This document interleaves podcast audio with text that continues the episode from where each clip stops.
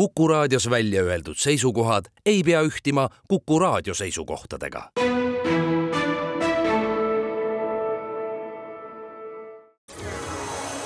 loodusajakiri,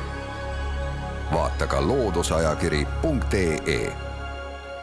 tere kõigile teile, head Kuku raadio kuulajad. aasta eelviimases saates on külas Eesti Maaülikooli makroökoloogia professor Lauri Laanisto, tervist! tervist! mina olen saatejuht Tiia Rööp meie saate ajendiks on reisikiri, ajakiri Eesti Loodus kuuendas numbris, see on novembri-detsembri number. selle reisikirja pealkirjaks on Üks päev polaaruurija elus. tegemist on ilukirjanduse sugemetega väga kaasahaarava kirjutisega ja see kirjeldab teadlaste tööpäeva Teravmägedel ja see on selline päev, kui välja ilmus jääkaru. kui suur see loom oli, kes tuli ja tõi päeva seikluse? no need jääkarud on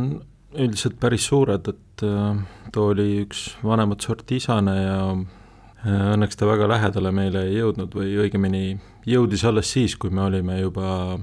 poolakate baasis äh, raudukse taha varjunud. et saime teda päris lähedalt näha küll, aga siis olid juba suured ohud möödas.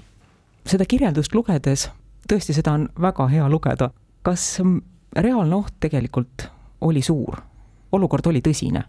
Seda on väga raske nagu tagantjärele hinnata, et äh, kui me seal kõndisime selle baasi poole, siis me tõesti teadsime, et karu samal ajal meiega, ütleme siis mõnisada meetrit meist allpool mägedes, kõnnib sama teed pidi samasse kohta. ja seda kõndimist oli meil vähemalt tunni jagu, isegi suht kiirel sammul. ja mina küll mõtlesin selle üle päris pikalt sel momendil, et, miks me läheme sinna, et me lähme ju surma. Aga, aga me kuidagi, me olime seal neljakesi ja me kuidagi viisakalt üksteist ei hakanud torkima niisuguste eksistentsiaalsete küsimustega sel hetkel, et äh, nautisime loodust ja vaatasime, et noh, tuleb, mis tuleb, selles mõttes, et äh, välitööd Arktikas tihtipeale ongi üsna noh, ütleme, sa pead olema üsna oportunistlik ja võib-olla mitte pelgama kõiki äh, neid ohte, mis võivad tulla, sellepärast et äh, neid on erinevaid ja neid võib tulla väga ootamatult. ma jätaks nüüd karu kõrvale, väga põgusalt te ütlete Eesti Looduses, et teil on Teramägedel üks väetuskatseala. mis on selle katseala eesmärk? see on üks äh, katse, mis äh, on tegelikult vaid üks väike osa globaalsest metaeksperimendist, mille nimi on Nutrient Network või lühendatult NUTNET, ehk siis ähm, see on üks suur katse, mis sai alguse kaks tuhat kuus ähm, Minnesotas ja selle eesmärgiks on siis üle maailma võimalikult erinevatel rohumaa kooslustel uurida taimede elurikkuse ja nende produktiivsuse vahelist seost. see, et äh, kuidas äh, liigirikkus ja ja ütleme, biomass või, või selle juurdekasv on omavahel seotud, see on üks selline maismaa ökosüsteemide põhilisi küsimusi, mida uurides me saame natukenegi aimu sellest, kuidas maismaa ökosüsteemid toimivad, et äh, teatavasti taimed moodustavad üldiselt tavaliselt rohkem kui üheksakümmend üheksa protsenti kõikide ökosüsteemide biomassist ja siiamaani või no ütleme siis niimoodi, et äh, need ökoloogid tavaliselt on traditsiooniliselt, kuidas nad ikka töötavad, on nii, et äh, nad töötavad kuskil ülikoolis ja siis kuskil ülikooli lähedal on neil mingi katseala, kus nad siis lähevad, teevad oma ruute või mingisuguseid muid vaatlusi või eksperimente või mida iganes ja siis äh, proovivad äh, saadud tulemusi nagu ekstrapoleerida kogu maailma peale, et noh, et kui see on niimoodi minu tagahoovis, et siis see võiks ju mujal ka nii olla aga pärast seda, kui oli ligikaudu ütleme pool sajandit usinasti vaieldud, et kuidas see seos siis selle liigirikkuse ja produktiivsuse vahel on, ütleme, kui me läheme näiteks äh, ühele ilusale Alvarile Eestis, kus on väga nigel biomass, siis seal liike on päris palju, samal ajal kui me lähme otsime ühe rohumaa, kus oleks palju biomassi, siis võib-olla Eestis kõige suurema biomassiga rohumaad on äh, kõikvõimalikud roostikud ja seal tavaliselt ei kasva mitte midagi muud peale selle päideroo või pilliroo, eks ole, et siis kui minna jälle troopikasse, siis võib juhtuda, et ta on vastupidi ja, ja selleks siis äh, alguses see nipp oli, noh see nipp on tegelikult juba väga ammu välja mõeldud, rohkem kui sadakond aastat tagasi Carl Pearsoni poolt üks inglise statistikat, noh, milleks siis uurida ainult ühte kohta, et võtkem andmed kokku paljudest eri kohtadest ja vaatame siis, kuidas asi on. ja siis nii-öelda sai populaarseks taimede uurimisel ja noh, ka üldse ökoloogias metaanalüüs, ehk siis otsiti kirjandusest välja kõik katsed ja vaatlused mingil konkreetsel teemal, pandi need andmed samasse andmestikku ja siis analüüsiti, mis välja tuleb. aga siis on see jama, et äh, keegi teeb ruute seal äh, pool korda pool meetrit ja mõni uurib viis korda viis meetrit ja keegi uurib seal ainult äh, kevadel ja keegi teeb suvel ja ühesõnaga, seal on väga palju metoodilisi, tehnilisi erinevusi. Ja kuna need metaanalüüsid ka nüüd väga häid tulemusi justkui ei andnud või õigemini minu meelest just andsid, sest äh, paar niisugust metaanalüüsi on ka minu doktoritöös, aga siis järgmine samm oligi siis see, et teeme siis igal pool maailmas erinevates kooslustes täpselt sama metoodikaga eksperimendi. Ja üks kõige esimesi sellistest globaalsetest taimeökoloogia eksperimentidest siis ongi seesama NutNet ja selle NutNeti võrgustiku liige ma siis olengi oma selle väikese katsealaga seal Teravmägedel, mida on alati kõikidelt graafikutelt hea üles leida, sest ta on kuskil ühes servas ja nurgas. et äh, selles mõttes see katse ei ole nagu minu enda oma, vaid ma lihtsalt osalen sellises võrgustikus, et kui keegi uurib globaalselt seal erinevaid küsimusi seoses selle elurikkuse ja produktiivsusega, siis oleksid ka arktilised äh, kooslused vähemalt mingil määral seal esindatud kui liigirikas on taimestik Teravmägedel? See on umbes ainus koht maailmas, kus ma olen piisavalt hea botaanikat taimi määrata sest see ei ole kindlasti minu äh, tugevam külg. seal on väga vähe kõrrelisi ja nii edasi. aga noh, see saarestik on seal äh, kokku kuskil kaks Eesti suurust, aga neid taimeliike on seal ligikaudu kuskil sada kuuskümmend et ütleme, Eestis on kuskil kümme korda rohkem ja neist saja kuuekümnest liigist, et see Teravmägede alla kuulub ka üks karusaar, mis on seal paarsada kilomeetrit, võib-olla natuke vähem, lõunas Teravmägede põhisaarest, Spitsbergenist. Ja valdav osa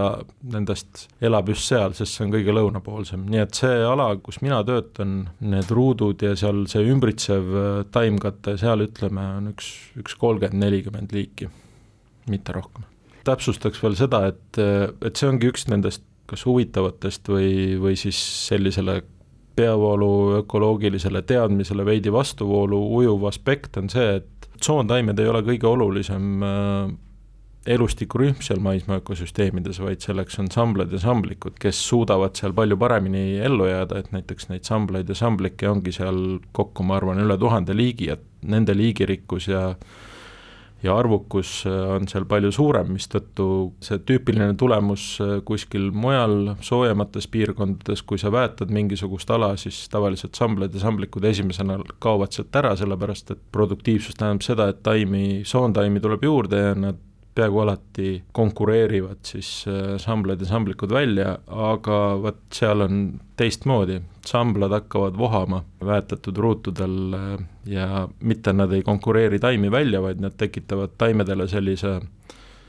vajaliku, ütleme niisuguse puhvertsooni, kus siis tegelikult taimedel endal on ka parem äh, elada, seda nimetatakse hõlbustamiseks. et selles mõttes need tulemused lähevad veidikene vastuollu muu maailma tulemustega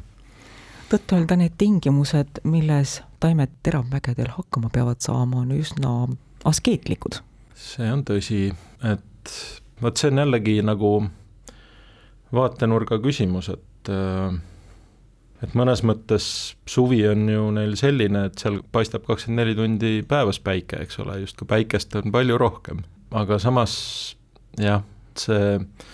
esimest korda, kui ma käisin seal, oli juhtumisi üks geoloog ka kaasas, siis kes siis kogu aeg nagu vaatas jälle, et vaat siin on väga hea vaadata, kuidas tekib jõedelta või, või kuidas lained murravad seal mingisugust äh, randa lahti, sellepärast et ei ole mingit taimi, mis segavad selle vaatamist et kuidas geoloogilised protsessid toimivad, et selles mõttes valdav osa sellest Teramägede maapinnast on tõesti lihtsalt üks kiviklibu ja ühel taimel on sinna väga keeruline on seal jalgu alla saada, sellepärast et ei ole mulda. ja, ja see kiviklibu lisaks kõigele on väga liikuv, et äh, eks ole, talvel tuleb sinna lumi peale ja kevadel, kui see ära suleb, siis ta lihtsalt vajub ja vajub ja vajub kogu aeg, nüüd kiviklibu muudkui liigub ja liigub, eks ole, ja kus sa seal oled siis mitmeaastane, eks ole, ei saa lihtsalt olla. ja seetõttu just need, võib-olla need samblamatid, mis annavad sellise nagu püsikindluse natukene, et see, see võib olla hoopis oluline mehhanism, et see taimkate seal hakkaks aina vohama ja mis puudutab veel tingimusi, siis äh, tihtipeale mult küsitakse, et noh, et, et seal kindlasti on väga külm ja märg, eks ole, tegelikult seal väga märg üldse ei ole, sellepärast et tegemist on poolkõrbega, et seal äh, sajab umbes kolmsada millimeetrit võib-olla aastas, mis on äh, vihma, mis on rohkem kui poole vähem kui Eestis aasta jooksul, mis muidugi ei tähenda, et seal ei oleks palju vett, vett on seal igal pool, aga see ei tule lihtsalt taevast. et see on selline noh, igatepidi kontrastide paik. Eesti looduses kirjutate seda ka, et ähm, muruniiduki häält seal ei kuule, selgituse järgi, milline taimestik, millised on taimestiku elutingimused teravmägedel, siis on selge, et muruniidukit seal vaja ei lähe. ja aiandusega seal vist ka ei ole hõlbus tegeleda jah, küll kui poodi minna, siis, ähm,